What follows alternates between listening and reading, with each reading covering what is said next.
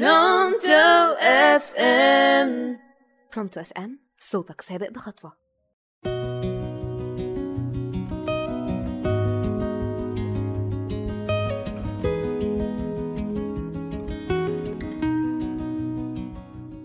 يا مساء الخير عليكم أو صباح الخير حسب التوقيت اللي بتسمعوني فيه.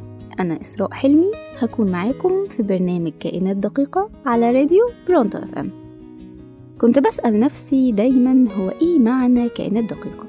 وهل الكائنات دي هي بس اللي بتكون في المعدة؟ وساعات بتنفعها وساعات بتأذيها. إحنا النهاردة هنتكلم عن الكائنات اللي بتأذي المعدة وأوقات كتير بتسبب ميكروبات ملهاش علاج أو الإنسان بياخد وقت طويل لحد ما يقدر يطرد الكائنات دي بره جسمه. ولا الكائنات دي ليها علاقة بالبشر اللي إحنا عايشين وسطيهم؟ أو هما نفسهم بشر من اللي حوالينا. الدقيق مش معناه صغير الدقيق جاي من الدقة. يلا بينا ندرس الكائنات اللي بتدقق في حياتنا عشان تبوظها وربنا يكفينا شر الكائنات دي. هنبتدي النهاردة مع أول كائن من الكائنات دي وهو الكائن الطفيلي. كنت دايما عارفة إن الطفيليات هي كائنات حية بتتغذى على كائنات حية أخرى. بس من الصعب عليا حقيقي إني أشوف ده في الحياة الواقعية اللي إحنا بنعيشها في الوقت الحالي. دايما وأنا صغيرة كان بيراودني مشهد عمري ما نسيته. وأنا قاعدة سرحانة على الديسك في الفصل والمدرس بيشرح حصة العلوم كان بيشرح كائنات دقيقة خطيرة جدا. ممكن تصيب الإنسان بأمراض في المعدة. ممكن تخلي الإنسان واليعوذ بالله ساعات بيموت. ولكن لما كبرت ودخلت معصرة الحياة اللي إحنا عايشينها اللي زي عصارة القصب بالظبط. والناس شبيهة بعيدان القصب اللي بتدخل المعصرة. اكتشفت إن الكائنات دي عايشة وسطينا بالفعل وليها عيون وودان ولسان وإيد ورجل كمان. وقبل ما تحسوا بالملل إني هاخدكم في حكاية علمية بحتة كله يلبس نضارة ال 3D ونبدأ نحكي حكايتنا النهاردة. هنحكي النهاردة عن أول كائن من الكائنات دي هو الكائن الطفيلي هو كائن بيتغذى على أي مصلحة تيجي من حضرتك يا باشا. ووقت ما تحتاجه ما تلاقيهوش مع إنه عارف طريقك كويس. كائن كده أعوذ بالله بيتغذى على أفكارك ومجهودك وتعبك.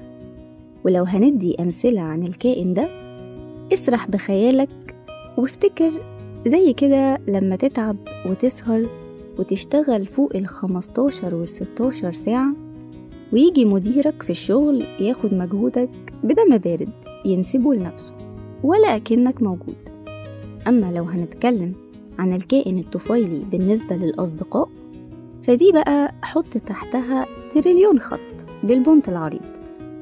هو كائن بياخد منك فضفضة لهمه ومشاكله وأحزانه يفضل يحكي لك في المشاكل والهم وكأن حياته قدامك black باللون الأسود. ما فيهاش أي حاجة كويسة. أما لو حصل لا قدر الله وحصلت له حاجة كويسة فرصة شغل مثلا أو خطوبة يعني أو مشروع جواز أو مناسبة سعيدة أو لو نفترض فرصة سفر. الذاكرة عنده بتسقطك. أو بتنساك أو بتسقطك من ال system يعني كلها حاجات زي كده. أنت مش موجود في حساباته يا صديقي العزيز. أما لو جينا اتكلمنا عن الكائن الطفيلي بالنسبة للقرايب أو القريبين منك في محور حياتك يعني فده بيكون أشد خطورة من الأنواع التانية. لأنه باختصار بيتغذى على مراقبة خطوات حياتك طول الوقت. تحس إنه لابس نضارة كبيرة وبيراقبك ويشوف حياتك وصلت لغاية فين. ويا سلام بقى لما تجتمع مع الكائن ده على مستوى العيلة يعني أو عزومة لطيفة.